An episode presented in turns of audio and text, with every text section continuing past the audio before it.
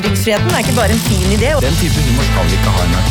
Som forfatter eller journalist er du alltid redd for at du har misforstått eller trådt feil. Her har vi da idrettsregler som griper inn i ytringsfriheten. Skillet er egentlig den kunstneriske kvaliteten. Det er jo ment for å gjøre narr av politiet. Jeg vet se på det! Snakk om det! Har jeg et rent hjerte når jeg sier dette her?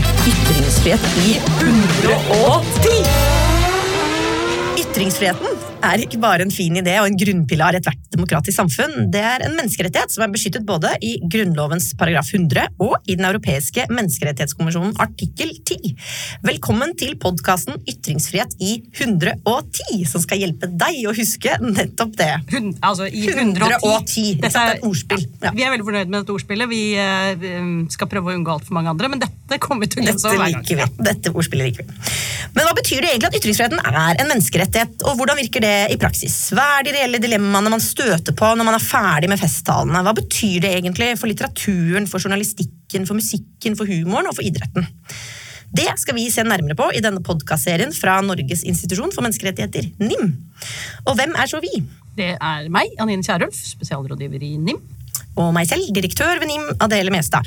Og Hver uke så får vi besøk av en veldig spesielt utvalgt gjest som kan gi oss tørre teoretikere litt eh, kjøtt på ytringsfrihetsbeinet.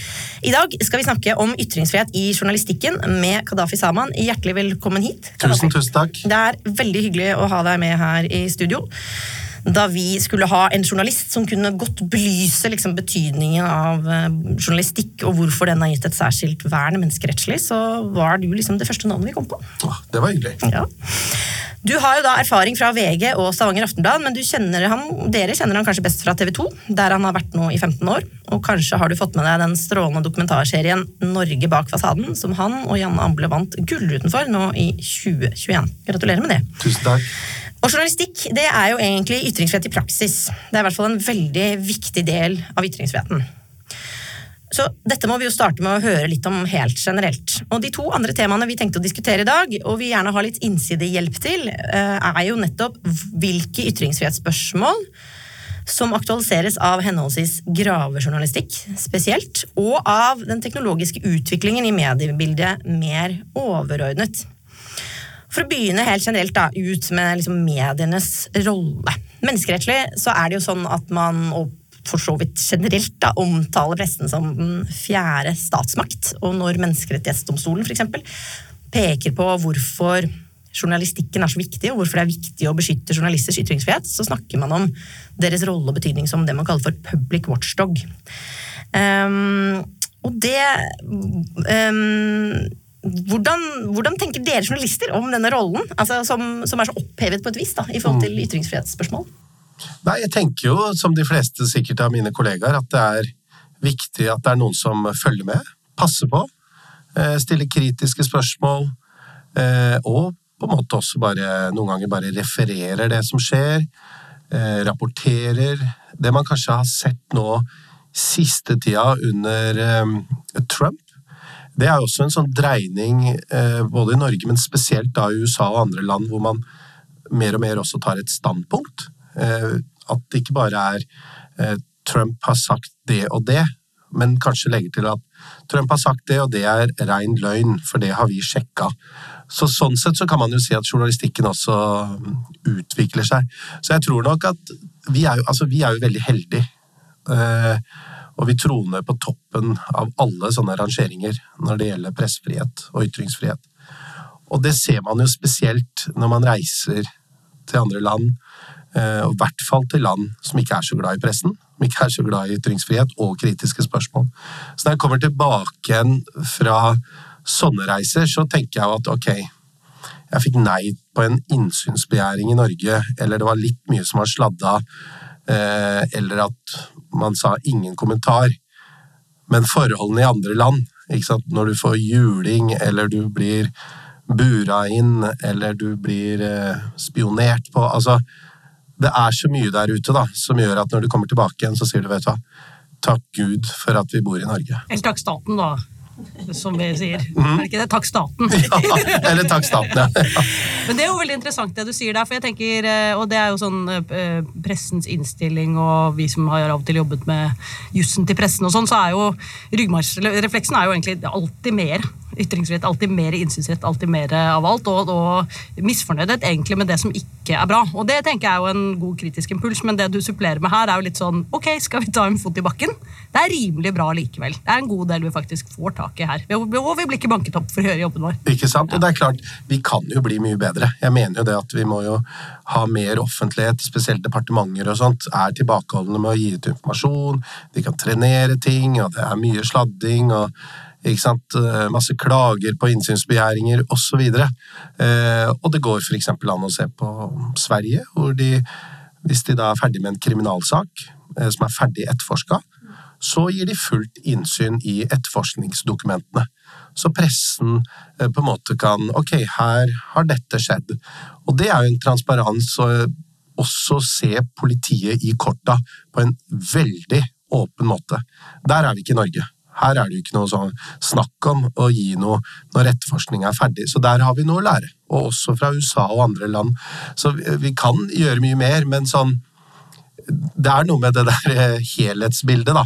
Det er klart at uh, når du er i Saudi-Arabia og alle de du skal møte, at du har ringt dem.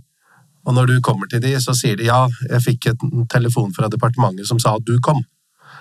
Da er det på en måte litt sånn annen dimensjon, da. Om, eh, det legger jo veldig bånd på de du skal møte, for å si det mildt.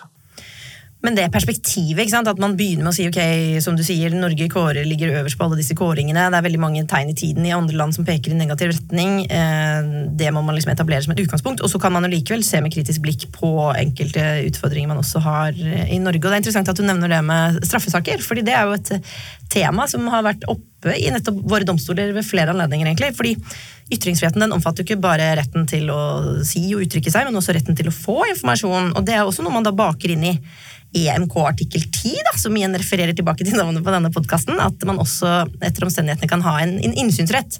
Som i hvert fall norske domstoler og Høyesterett i flere saker har sagt ok, og den må av og til gå foran da, politiets behov for å eh, holde tilbake informasjon. Som og Der har vi vel et eksempel på at uh, norske høyesterett har vært tidligere ute enn denne europeiske menneskerettighetsdomstolen i den uh, eh, Treholt-saken. Altså, ikke selve Treholt-saken, den er jo fra 80-tallet, men spørsmålet om innsyn i opptakene fra Treholt-saken, som jo av naturlige grunner var holdt eh, hemmelig.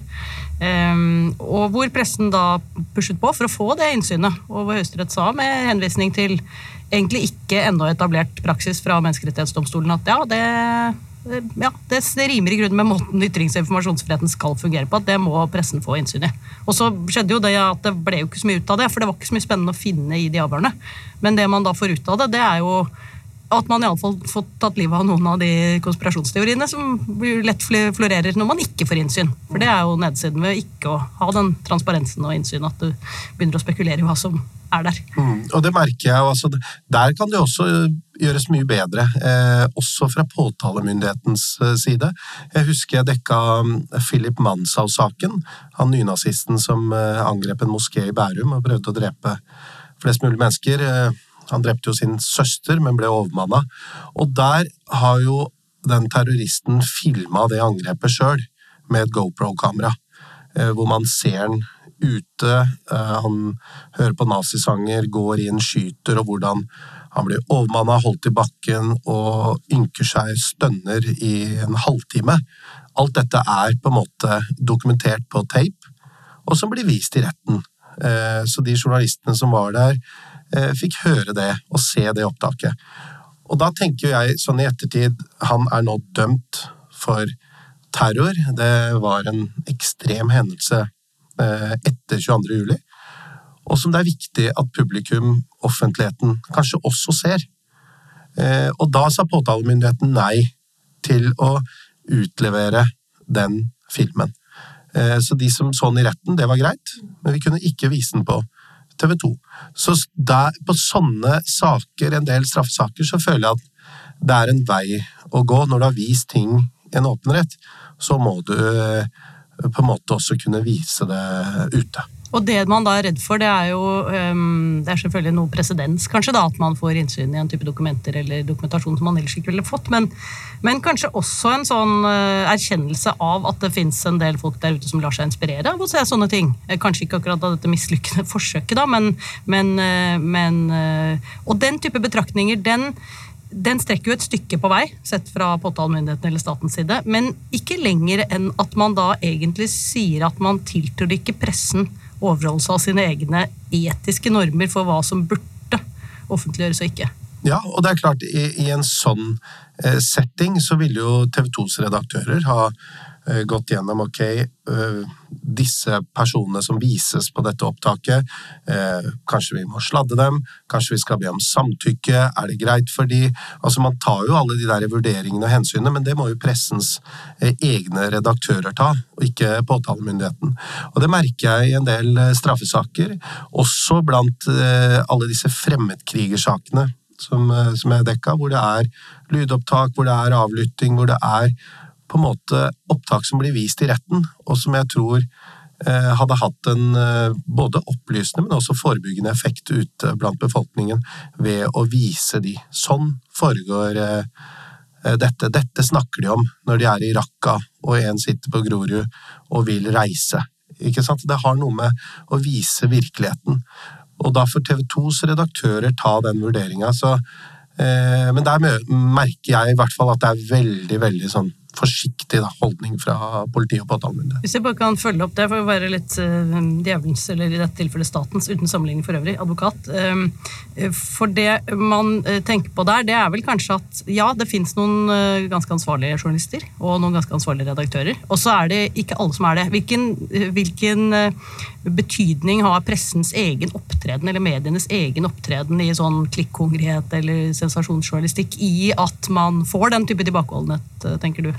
Nei, jeg tenker jo at man må jo skjønne at det er en forskjell mellom redaktørstyrte medier og de som ikke er redaktørstyrt. Altså De store norske mediehusene er veldig ansvarlige. Det er etiske vurderinger hver dag. Hvor langt skal vi gå? Hvor mye skal vi identifisere? Hvor mange detaljer skal man gi? Og da spesielt fra etterforskninger, straffesaker, ting som på en måte eh, er ganske sterke. Og det føler jeg at vi gjør. Eh, og det mener jeg også klagene til PFU viser, at det er få grove overtramp. Det er få søksmål.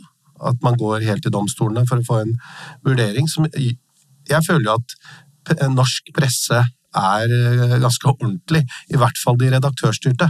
Og det er jo en viktig forskjell da, når man nå eh, har fått mye alternative medier også. Men du Anine, forklar litt forskjellen her nå mellom når vi snakker om EMK artikkel 10 og grunnlovene her i forhold til press, altså pressens ytringsfrihet og reguleringen av dem. Og så har jo pressen da i tillegg sine egne regler. Ja. Hvordan, hvordan, virker de reglene Jeg kan tenke at Det er to normsett, egentlig. da. Noe som er vedtatt demokratisk, lover og regler. Eh, og det er jo det som er hvis, hvis, det er begrensning på ytringsfriheten, om det er mot trusler eller ærekrenkelser eller andre ting, det fremgår av lover. Men så har jo pressen et eget selvdømmesystem med Pressens faglige utvalg og en Vær varsom-plakat, som egentlig er en slags sånn eh, etikkloven for mediene. Og den er mye snevrere hvis man tenker seg to sånne sirkler utenpå hverandre. Så er eh, det lovlige rommet for ytringer det er veldig stort før du kommer ut til lovgrensene. Mens det etiske rommet det er snevrere. Det er veldig mange flere betraktninger man tar i mediene om hva man setter på trykk. Det, av og til kan man jo ikke få det inntrykket da, hvis det er liksom veldig sånn tullete saker i Dagbladet på nett eller hvor det er. Men eh, det er veldig samvittighetsfulle betraktninger bak en del av det som kommer frem. Og noe kan være om de som omtales, kommer til orde, f.eks. Burde de få mulighet til å eh, gi samtidig imøtegåelse hvis de blir utsatt for sterke påstander? Skal vi ta litt ekstra hensyn til barn? Masse sånne betraktninger. Hvor saklig vi, bør vi være i denne saken? Og det tror jeg jo for pressen er mye mer styrende, stort sett, enn de rettslige grensene for ytringsfriheten. Mm. Men det er interessant, for du sier jo disse vurderingene gjør vi hele tiden kjempenøye, og sånn, og så er det jo antagelig en hel haug med ting som da man på det grunnlaget velger å ikke publisere. Hele tiden, Det skjer hele tiden. Men det hører man jo aldri om. Og så skjer det jo av og til også at pressen trår feil, og det hører man jo alltid om. Så det blir jo en viss skjevhet i representasjonen vel, i relasjon til liksom hva slags, hvor gode vurderingene er de, og hvor mye kan man egentlig stole på at de vurderingene er gode nok? da? Hva tenker du om det? Nei, jeg tenker jo at egentlig så bør offentligheten få vite mye mer om disse vurderingene. Eh, det føler jeg er altfor lite. Det er jo veldig mye materiale f.eks. fra 22. juli som TV 2 og andre har som vi ikke har publisert. Jeg tenker at det er viktig at de redaktørene som vurderer det, som sier at nei, vet du hva, det der vil vi fortsatt ikke vise etter ti år. At man har en diskusjon om det. Hva er tanken bak? Eh, nå har vi akkurat hatt en eh, IS-kvinne som kom tilbake fra Syria. Hun ble dømt. Hvorfor har man valgt å ikke identifisere henne? Man har gjort det med en del andre fremmedkrigere som er menn. Alle disse vurderingene som sier vanlige folk eh, kanskje ikke tenker på, men som vi har brukt mye tid på. Så det å ha en åpenhet rundt eh, pressens egne vurderinger, det tror jeg vil opplyse folk, og også gjøre at man kanskje får mer tillit til mediene. Og da snakker vi også om lokalpressen, altså helt eh, opp til NRK og TV 2. Så, eh, vi, og det gjør jo at vi må jo være mer åpne. Ikke sant? Og det er jo også grunnen til at eh, man vil stille et sånn podkast som dette, da. Alle, de, for det, alle burde egentlig ha den der, for det tror jeg la merke til vært Aftenposten som hadde en sånn spalte sånn Dette er de etiske vurderingene vi har hatt i den IS-saken. Eller som av og til tar opp en sånn så hvis, det, du, det du etterlyser, er egentlig litt sånn Kunne man hatt enten et program, eller at flere medier hadde en sånn jeg skjønner at dere tenker på oss som litt klikkhungrige, bla, bla, men nå skal dere se hva vi egentlig gjør, i tillegg til ja. det dere ser på trykk. Og, og, det merker jeg i den dokumentasjen dokumentarserien 'Norge bak fasaden'. Så har vi prøvd å få med litt av de vurderingene som jeg og Janne Amble har, da, hvor vi diskuterer skal vi gå dit med skjult kamera. Er det innafor? Ja. Skal, skal, skal, vi ligge i busken med en annen fotograf? Altså litt sånne ting som vanligvis uh, ville jo ha blitt klippet bort det produktet man ser på TV, der har man jo ikke disse vurderingene. Så jeg tror i en tid som nå, hvor det er så mye eh, i Facebook-feeden, og det er vanskelig å skille mellom redaktørstyrte medier, ikke-redaktørstyrte, hva er kildene her, osv., så, videre, så er det veldig bra at eh, redaktørene skriver kommentarer og artikler. Dette publiserer vi fordi ditt og ditt. Men også det der, for pressen har jo en rolle i å være kritisk. Det er på en måte det som ligger i denne vaktbikkjefunksjonen. Men, men, så er det jo også av og til det der med når det kommer kritikk da, av valg som pressen tar, som av og til er feil. Pressen gjør også feil. Alle gjør feil. Statsorganet gjør feil, pressen gjør feil. Det, det, hører man heller ikke så mye om. Det tenker jeg også hadde vært tillitsvekkende av og til å si Fanker, der gjorde vi en feilvurdering, gitt. Det var feil. Det viser seg sånn og sånn. Ja, ja, og det gjør man. Jeg har jo gjort noen feil gjennom åra, ja. Og det er klart at det Anine sa i stad, det med PFU og den selvjustisen, på en måte eh, Jeg husker jeg lagde en sak en gang i Stavanger Aftenblad hvor overskriften var 'Inder fikk 70% dyrere forsikring'. Og jeg liksom mente vel at det var fordi han var inder. Eh, det var jo helt totalt feil. Helt bom superflaut. Og Stavanger Aftenblad måtte ha en halvside med dementi, hvor de beklaga. Og jeg var Jeg ville jo ikke på jobb den dagen. Og det sitter jo fortsatt. Så det at man gjør feil, det viser seg ganske kjapt i f.eks. en klage til BFU, hvor man da vil eh, få en beklagelse. Og det er jo ingen reportere og journalister som vil det.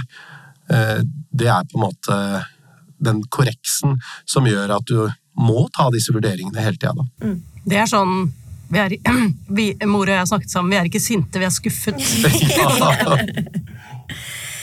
um, altså, Pressen de realiserer jo veldig mange av ytringsfrihetens underliggende begrunnelser, som vi har snakket litt om. Det er jo en av hensynet til menneskelig autonomi. Vi mennesker blir til i møte med andre. Det er sånn vi kan utvikle oss som mennesker. Det er en individuell begrunnelse. Og så er ytringsfriheten en avgjørende betingelse for demokratiet vårt. Vi kan ikke ha et demokrati uten, uten ytringsfrihet. Man skal styre seg selv uten å prate. Veldig, om hva vi vil ha på toppen. Ja. Det tredje er jo um, sannhetsprosessen, sannhetssøken. Vi, vi, må ha et stort ytringsrom for de nye ideer vi driver verden fremover. og derfor må... Dessuten tar vi liksom feil hele tiden. Og vi tar feil hele tiden. um, men, men, midt i det så sitter på en måte pressen i en sånn portvokterrolle. Bestemmer jo langt på vei. For en ting er jo at flest mulig stemmer skal slippe til, men, men pressen er jo langt på vei ansvarlig for hvilke stemmer og hvilke ideer som, som slipper til. Hvordan tenker man godt rundt det som journalist? Nei, der kan man sikkert bli bedre. For det er nok litt sånn av og til at eh, ok, vi ringer han eller hun. Vi veit at han eller hun leverer. Noen er gode på TV. Eh, noen leverer sitater. Eller leverer, rett og slett. Eh, og det kan og må bli bedre. Altså det kildemangfoldet og de stemmene man bringer fram. Et eksempel er jo f.eks. si personer med minoritetsbakgrunn. I mange år så var det jo sånn at man ringte Aslam Asan eller Khalid Salimi. Det var jo ikke så mange. Og uansett om det var morsmål, svømmeundervisning, eh, omskjæring, tvangsekteskap altså Alt, you name it, eller en bombe i Peshawar, så ringte man Aslam Asan, og han stakkars satt på TV og diskuterte med Carl I. Hagen eller andre. Og så får man et mer mangfold. Nå har man jo et kjempefint mangfold, vil jeg si, og man er blitt flinkere da også til å bruke det. Men det er en vei å gå. Jeg merker jo det sjøl òg. At når du har en sak om et eller annet, så tenker jeg ja, jeg ringer han forskeren der, eller advokaten der, eller ikke sant? Fordi man har hatt en erfaring med de som er gode. Så um, der har man en vei å gå. Disse, disse som alle frir til eh, fra de politiske partiene nå, om de heter folk flest eller vanlige folk, eller hva de heter, eh, og, og som eh, av og til er de som kanskje føler mest på at de ikke slipper til i mediene. Hvordan får man tak i de stemmene? Ja. Nei, jeg kan stå fram i Norge bak fasaden, da. Her er de! Her er Ikke sant? Ja. Er her de bor. De vanlige folkene. Ja, vanlige folk. Nei, jeg tenker jo at um, for eksempel det TV 2 uh, gjør nå, er jo at man eh, vil, eh, eller har satt i gang, uh, spalteplass, kronikkplass, debattplass for nye stemmer. Man vil ha de folka som kanskje ikke har vært så synlige. Send inn en kronikk, ikke sant? For å nettopp øke det mangfoldet og øke eh, debattutvekslinga. Det er et konkret grep. Og det ser man jo nå. Nesten alle medier har jo enten NRK Ytring eller Kronikk. At man prøver å få tak i stemninger som kanskje ikke vil være på TV. Alle syns ikke det eh, er komfortabelt. Ja, ikke sant? Og heller eh, ha det på trykk. Og der tror jeg mediene må også gjøre en aktiv innsats. Nå er den nye avisa Oslo for eksempel, har ansatt en ny debattredaktør, vil ha nye stemmer. Og de fremheva jo da spesielt stemmer med innvandrerbakgrunn. Eh, Aftenposten har akkurat ansatt eh, Nasneen Khan. Altså, det er på en måte en erkjennelse innad i pressen òg, at vi må ha et mangfold i den floraen. Jeg sitter jo i Ytringsfrihetskommisjonen, og det vi diskuterer mye der, er en, eh, en gruppe som ofte ikke føler seg representert. Og Det er jo personer med funksjonsnedsettelser, som er den største minoriteten, egentlig, hvis man tenker på gruppenivå, da, vi har i Norge. Eh, Hva tenker du om det? Er man god nok til å slippe til Altså Ikke nødvendigvis bare for å snakke om temaer knytta til funksjonsnedsettelse, men rett og slett fordi man skal liksom ha et mangfold av stemmer. og det er... Nei, jeg tenker at vi ikke er gode nok i det hele tatt. Ja. Jeg, jeg tror det er en lang vei å gå, og det er nettopp sånne ting som er viktig på en måte å, å snakke om, for det gjør jo at redaktørene da eh, tenker mer bevisst på det. I bruk av kilder i helt vanlige saker. Helt vanlige ting. Ikke sant? Her er det Geir Olsen som snakker om renter, om han sitter i rullestol eller ikke, det har ikke noe å si. Eh, samme med om det er Ali Khan sant, som snakker om eh, jordskjelv. Så den naturliggjøringa, på en måte, det er jo det vi må bli flinkere til. Og nå har jeg vært reporter i 20 år, jeg føler jo at det er mye bedre. Vi bruker flere kvinner, vi bruker flere minoritetsstemmer, da. Men eh, det er, det er vei å gå, altså. Jeg liker veldig godt at du, du har sånn, eh, hele tiden en sånn underliggende sånn 'det blir bedre'. Det er jo Ja. fint. Jo, men det- jo, vi- merker Vi er det. så litt så problemfokusert. Det er kjempe, ja, ja, veldig bra. Visste du at i 2021 toppet Norge for femte år på rad statistikken over landet med best ramme for pressefriheten ifølge Reporters Without Borders global indeks? Samtidig pekes det på at også Norge har et forbedringspotensial, bl.a. for pressens innsynsrett i offentlige dokumenter og beslutninger om koronahåndteringen. I 2020 ble 50 journalister drept i jobben sin globalt, mot 53 året før. I 2016 var 58% av de drepte i land med krig, mens tallet hadde sunket til kun 32% i 2020. 84% av alle drapene var målrettet. Norsk høyesterett ble i 2016 tildelt det Columbia Global Freedom of Expression Prize av det amerikanske universitetet Columbia. De fikk prisen for sin avgjørelse om at politiets beslag av upubliserte filmopptak i en terroretterforskning var ulovlig av hensyn til kildevernet. I begrunnelsen for utdelingen heter det i motsetning til den omfattende internasjonale tendensen til å ofre ytringsfriheten i krisetider, anerkjenner denne kjennelsen den avgjørende betydningen av en fri presse. Men du, eh, vi skal gå litt videre på dette med gravejournalistikk, for der har jo du utmerket deg eh, veldig. Når man jobber som gravejournalistikk, så er jo litt av poenget å avdekke ting som man jo kanskje ikke vet, og som kan være kritikkverdig, og det kan jo lett støte noen, eh, enten det nå er liksom maktutøvere eller andre personer private osv. Det finnes jo en del grenser også for journalistiske virkemidler der, både rettslig, men også eh, moralsk, kanskje mer, presseetisk. Eh, hvilke grenser er vanskeligst?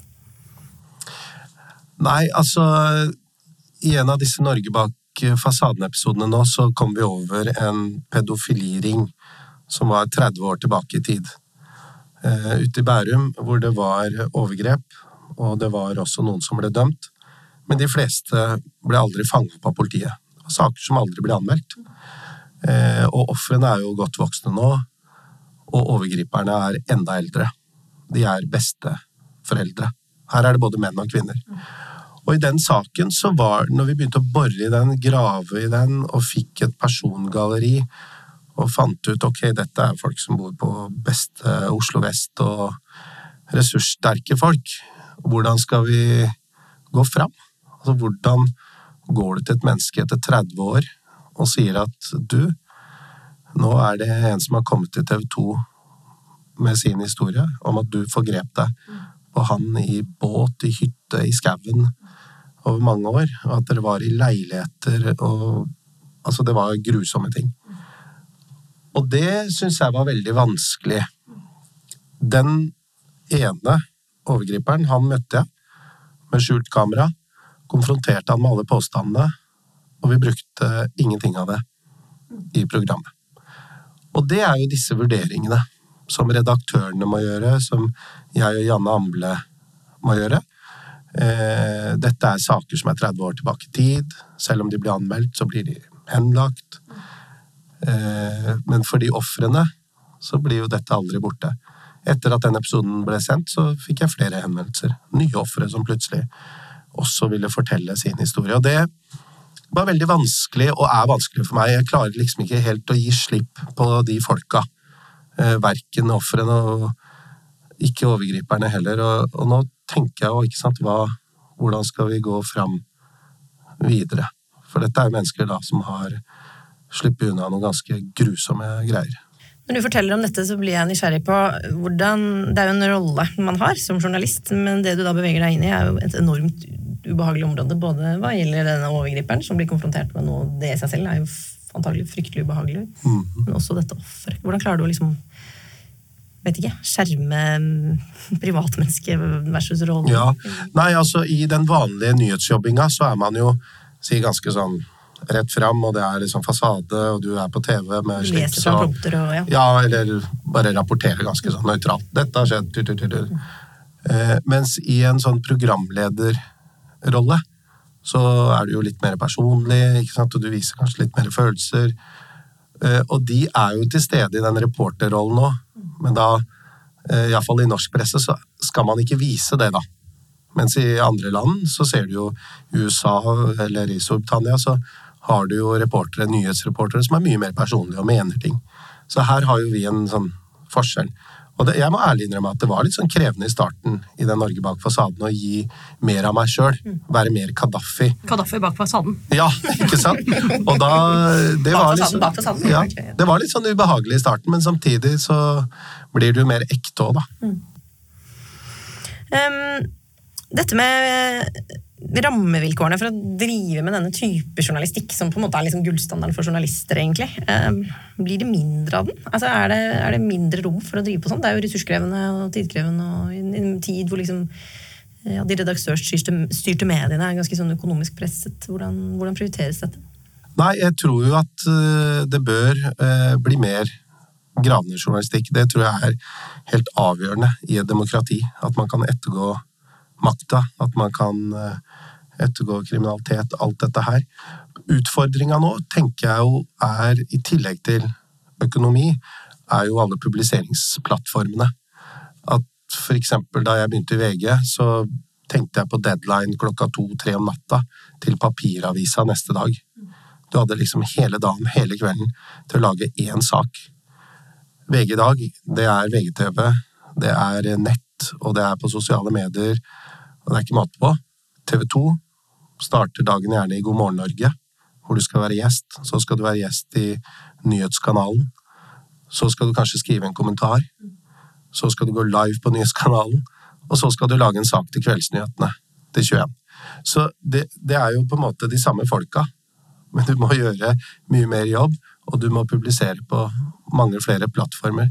Det gjør jo eh, at den si, konkurransen om breaking news er så stor at de ressursene som man eh, bør bruke til gravejournalistikk, det er lett i en hektisk hverdag å bare ta det dag for dag.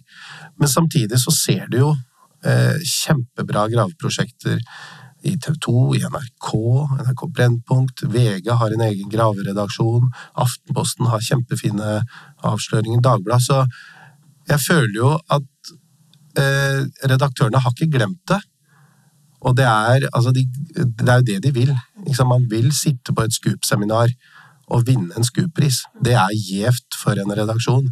Det viser at man tar journalistikken på alvor og bruker eh, talt Dagens Næringsliv kanskje et av de beste eksemplene som virkelig prioriterer dette. Så eh, jeg tror det er absolutt mer rom for det, men det krever jo at man går litt ut av det der hamsterhjulet og det der publiseringskjøret, da.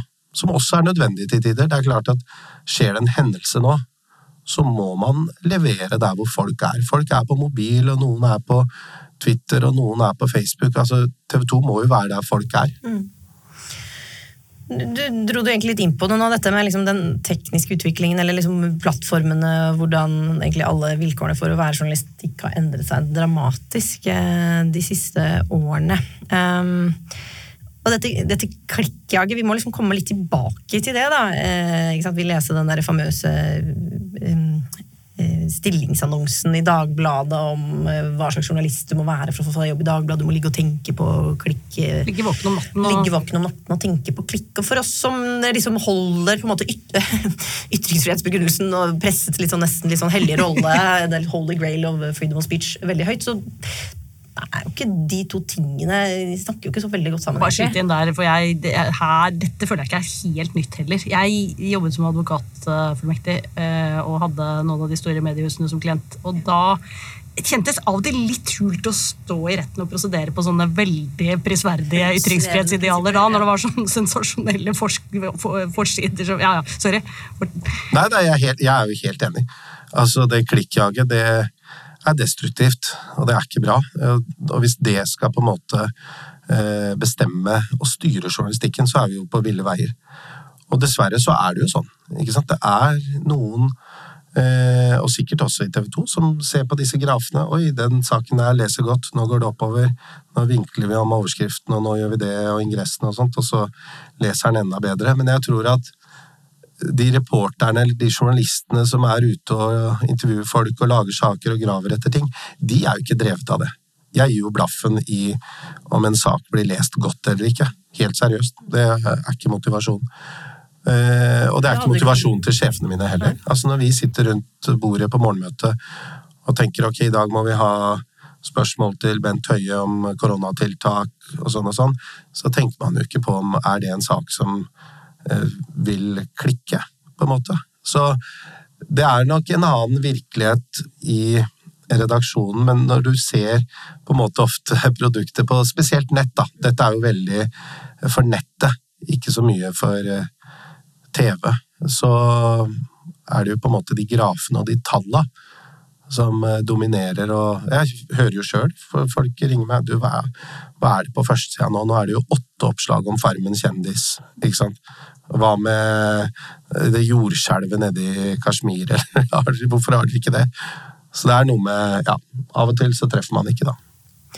Det er andre ting som påvirker journalistikkens kår på et vis. Vi snakker jo mye nå når man snakker om ytringsrommet mer, da. Det er fenomener, ikke sant. Eksempel krenkelseskultur, cancel culture, som man jo har sett ganske alvorlige eksempler på i New York Times, eksempel. Um, hvordan påvirker dette journalistikken? Hvordan forholder dere dere til mer sånne hva skal man si, subjektive mottakerbegrensninger på, på hva dere kan skrive og ikke skrive? Nei, altså vi opplever jo trusler eh, i ny og ne, og det kan jo være eh, alle typer miljøer. Det må ikke være en nazist eller en islamist eller en kriminell. Det kan jo være noen eh, Altså, finansmiljøet kan jo komme med trusler, og musikere Eller vi hører fra advokat? Ja, eller advokater, ikke sant. Det er jo mange som på en måte kan i, i forskjellig grad, da. Og det opplever vi jo, jeg opplever det sjøl ofte òg. Men det jeg personlig har i hvert fall ikke latt det påvirke journalistikken. Tvert imot så tenker jeg at vet du, hva, da har man gjort en ålreit jobb, og her får man bare kjøre på litt mer. Eh, Og det er jo viktig at redaksjonene også gjør. Hvis det kommer trusler, si at vi dekker en nynazistdemonstrasjon, og, og vi får eh, trusler, så har i hvert fall responsen i de mediehusene jeg har vært Nå setter vi på flere reportere, og så graver vi i dette eh, mer, for å vise på en måte at det er ikke Man kan ikke liksom la seg true til taushet. Så Har du vært oppriktig redd noen gang? ja da, jeg har et ganske Hva skal man si? Et øh, Jeg kan, kan ikke si ålreit trusselbilde, men det er iallfall et aktivt trusselbilde. Jeg har hatt det i mange, mange år. Eh, og noe er liksom, som politiet vet om, og noe vet sjefen om. og Noe blir anmeldt, noe blir ikke anmeldt. Noe er sjikane, noe er hets. Jeg har jo blitt hetsa på livesendinger. Ja, si litt om det, for det fikk vi Den med oss. Den strålende introen til eh, hva var det, den Norge bak fasaden-episoden hvor Ja, dere dekket ja, ja. eh, Dekket våre venner i Sian. Sian? Den siste var jo ikke sånn du, hva gjør Du står og dekker Sian, og så er det en dame i Sian som, som snakker til deg og Ja, sier Hva da- gjør Hva var det hun sier? Hun Ja, nei, ikke sant? Vi står jo utafor Stortinget og rapporterer en sånn Sian-demonstrasjon, og så er det jo masse motdemonstranter. Og plutselig så er det en dame som henvender seg til meg og sier du, du, er ikke du han Gaddafi fra TV 2? Og jeg bare ser bort og bare nikker og er litt sånn oi, har jeg blitt gjenkjent? Det var litt smykkerett først der. Ja, og- og så sier jeg det var jo pakistanere i Norge. Ikke sant? Og, men så er jo jeg på jobb, og nå med erfaring så vet sant? Det er litt sånn vanskelig å bli satt ut òg, for du fortsetter bare rapporteringa. Og det var sånn ja, helt eh, unødvendig av hun. Men sånn har det vært flere ganger. Vi var jo dekka en livesending utafor mulla Krekars hus eh, en gang på Tøyen, og da ble vi kasta stein etter midt i en livesending. De prøvde å treffe oss eh, mens vi da var på lufta. Det anmeldte vi. I en Pegida-demonstrasjon i 2015 så var det en som kalte meg for muslimjævel og innvandrerdrit, også på lufta. Og da vurderte vi, og nyhetsredaktøren landa på at ok, det, det anmeldte vi ikke. Vi mente at det var ikke straffbart. Så det er jo sånne forskjellige nivåer. Jeg kan jo få mailer med eh, jævla pakkis-tryne, pell deg ut av landet. Det har jeg heller ikke anmeldt. Da pleier jeg å svare god bedring. Og hvis det fortsatt liksom kommer for mye, så pleier jeg å si at vet du hva, nå kommer jeg til å anmelde, så finner politiet ut både IP-adressen din og ditt egentlige navn. Og så har vi hatt, eh, husker det var én som ikke ga seg, som sendte mailer hvor eh, vedkommende hylla Breivik. Og sa at det var synd at han ikke fikk drept flere. Hylla tyskerne. Hylla nazistene. Og da sa sjefen at vet du hva, dette mennesket bør vi kanskje gå på døra til. Og det gjorde vi. Så vi tok med kamera og dro på døra. Visste jo ikke hvem det var på det tidspunktet. Eh, Fant ut, og da var det en 80 år gammel bestemor som åpna døra. Og vi kom inn i stua, og hun angra og hadde jo ikke ment dette så vondt, og vi vurderte da til slutt at vi lager en sak anonymt med et intervju med henne hvor hun beklaga og skulle aldri gjøre det igjen. Og sendte meg mailer etterpå, vet du hva, beklager så mye, bla, bla, bla. Og jeg fikk jo aldri en mail igjen. Så det er jo Altså, dette her må jo alle redaksjonene takler det litt sånn forskjellig, og alle journalistene takler det nok også veldig forskjellig.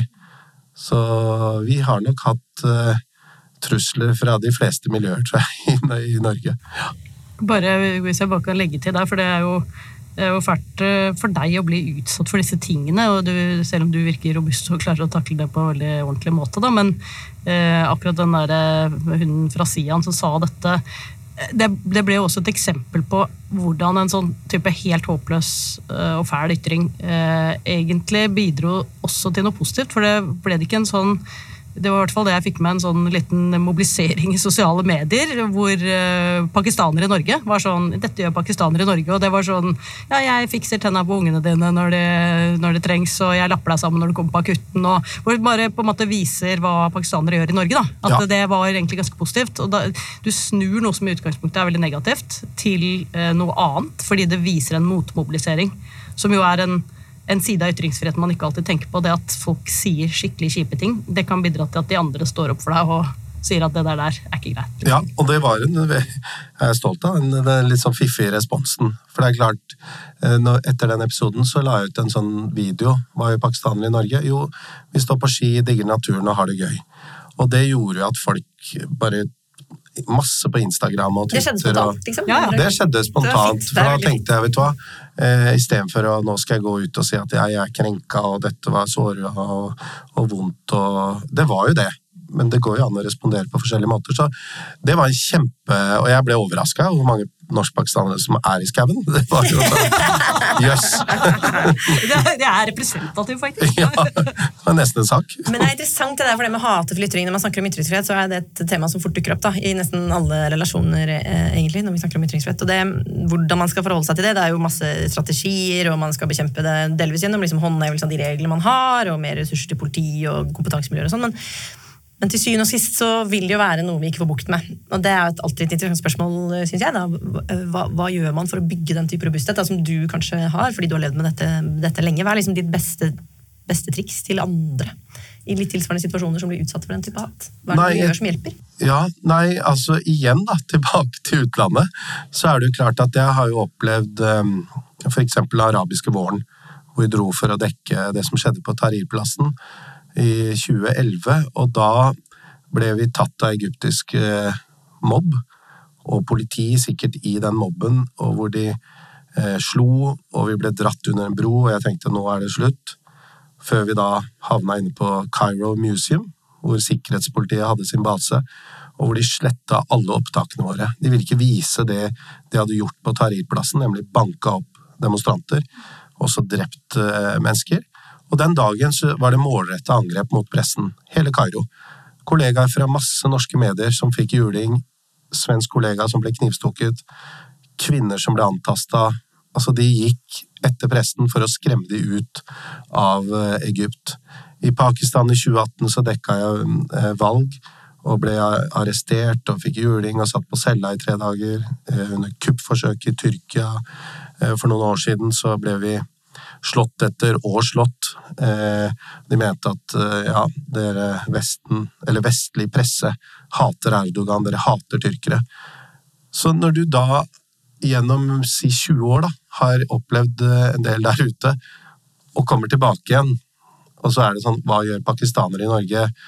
Og muslimjævel. Så når jeg setter det i den konteksten, så hjelper det iallfall for meg personlig at vet du hva, det der er jo ikke så ille i det store bildet. Men det er klart, der og da er det jo sårende. Når du står utafor og det fyker steiner mot deg, og du fortsetter rapporteringa fordi du vil ikke stikke av på lufta, så er det på en måte en litt sånn eh, Du må ikke eh, la deg tru... Altså, det er jo det de vil, da. Ja? De vil at jeg ikke skal dukke opp på neste Pegida-demonstrasjon. Så jeg gjorde jo det. Sa til sjefen det er kjempeviktig at jeg drar og dekker den neste. Og vi dekka det i fire uker til de, det ikke var flere Pegida-folk. Samme med ekstremister. Så min på en måte personlige tilnærming har vært å fortsette med journalistikken. Snakke om det. Snakke om det i foredrag, snakke om det internt i redaksjonen. Snakke om det nå. Og så eh, er det på en måte en sånn Det hjelper, da, istedenfor å bare sitte inne med det, liksom. Vi må egentlig gå inn for landing her, men vi har tre spørsmål om din ytrings- og informasjonsfrihet som vi er litt nysgjerrig på. Det første er hva ville du aldri sagt? Ja, det er ikke mye, men jeg ville kanskje ikke ha kødda for mye med profeten Mohammed, tenker jeg. Hva skulle du ønske at noen sa til deg? Den saken du lagde, eller programmet du lagde, gjorde en forskjell. Mm, Det er fint. Hva er det mest oppsiktsvekkende du har hørt noen si? Er du oppkalt etter han diktatoren i Libya? Gaddafi. Den er fin. Og det er jeg. Fantastisk. Men du, Anine, hva, du vi, hva lærte vi Hva lærte vi i dag? Du, nå har vi jo lært så utrolig mye, så det er litt vanskelig å velge ut her. Men øhm, jeg, det jeg merket meg kanskje mest fra den første bolken, det var at øh, vi trenger å tenke på Når vi tenker på pressen som vaktbikkje, mediene som vaktbikkje, så må vi tenke på at den bikkja, den øh, Det er ikke så ofte den bjeffer som det vi får inntrykk av. eh, den logrer ganske mye òg. Og det gjør den med stort hell. Eh, Og de sidene ser vi ikke så mye. Så vi må, vi må skjønne mer av hvordan pressen og mediene fungerer når de foretar de betraktningene om hva de ikke skal kneldre på. Eh, Og det må dere hjelpe oss med ved å åpne mer opp om hvilke etiske betraktninger dere gjør med alt det som ikke sendes ut til oss. Det er jo gøy, da, for det er den åpenheten som dere gjerne vil ha fra andre. Den vil vi ha fra dere. Ja, det er akkurat det. det Det er dere vil ha innsyn, åpenhet og transparens. Det vil vi òg. Vi. Så det var den. Og så var det den andre, eh, gravejournalistikken. Den eh, er mindre I noen grad så vil den være begrenset av lover og regler. eh, Og måten politiet ikke gir innsyn i straffesaksdokumenter og andre ting, f.eks. Men den er i mye større grad preget av eh, rammevilkårene for mediene. Både økonomisk, bunnlinjefokus og klikk og sånn, tenkning. Eh, Men også måten offentligheten funker på. Alt går utrolig mye fortere. Og det gjør at eh, tidsperspektivet og den, den tiden man trenger til den kvernen som må male langsomt omkring de sakene, er vanskelig å grave opp. Eh, Den, den får kanskje ikke så gode kår, selv om alle heier på den og mener at den er veldig viktig. Mediebildet i endring, det tror jeg også var mest preget av denne farten. Hamsterhjulet. Vi, bare, vi er hamstere alle sammen, men vi må bare hoppe ut innimellom.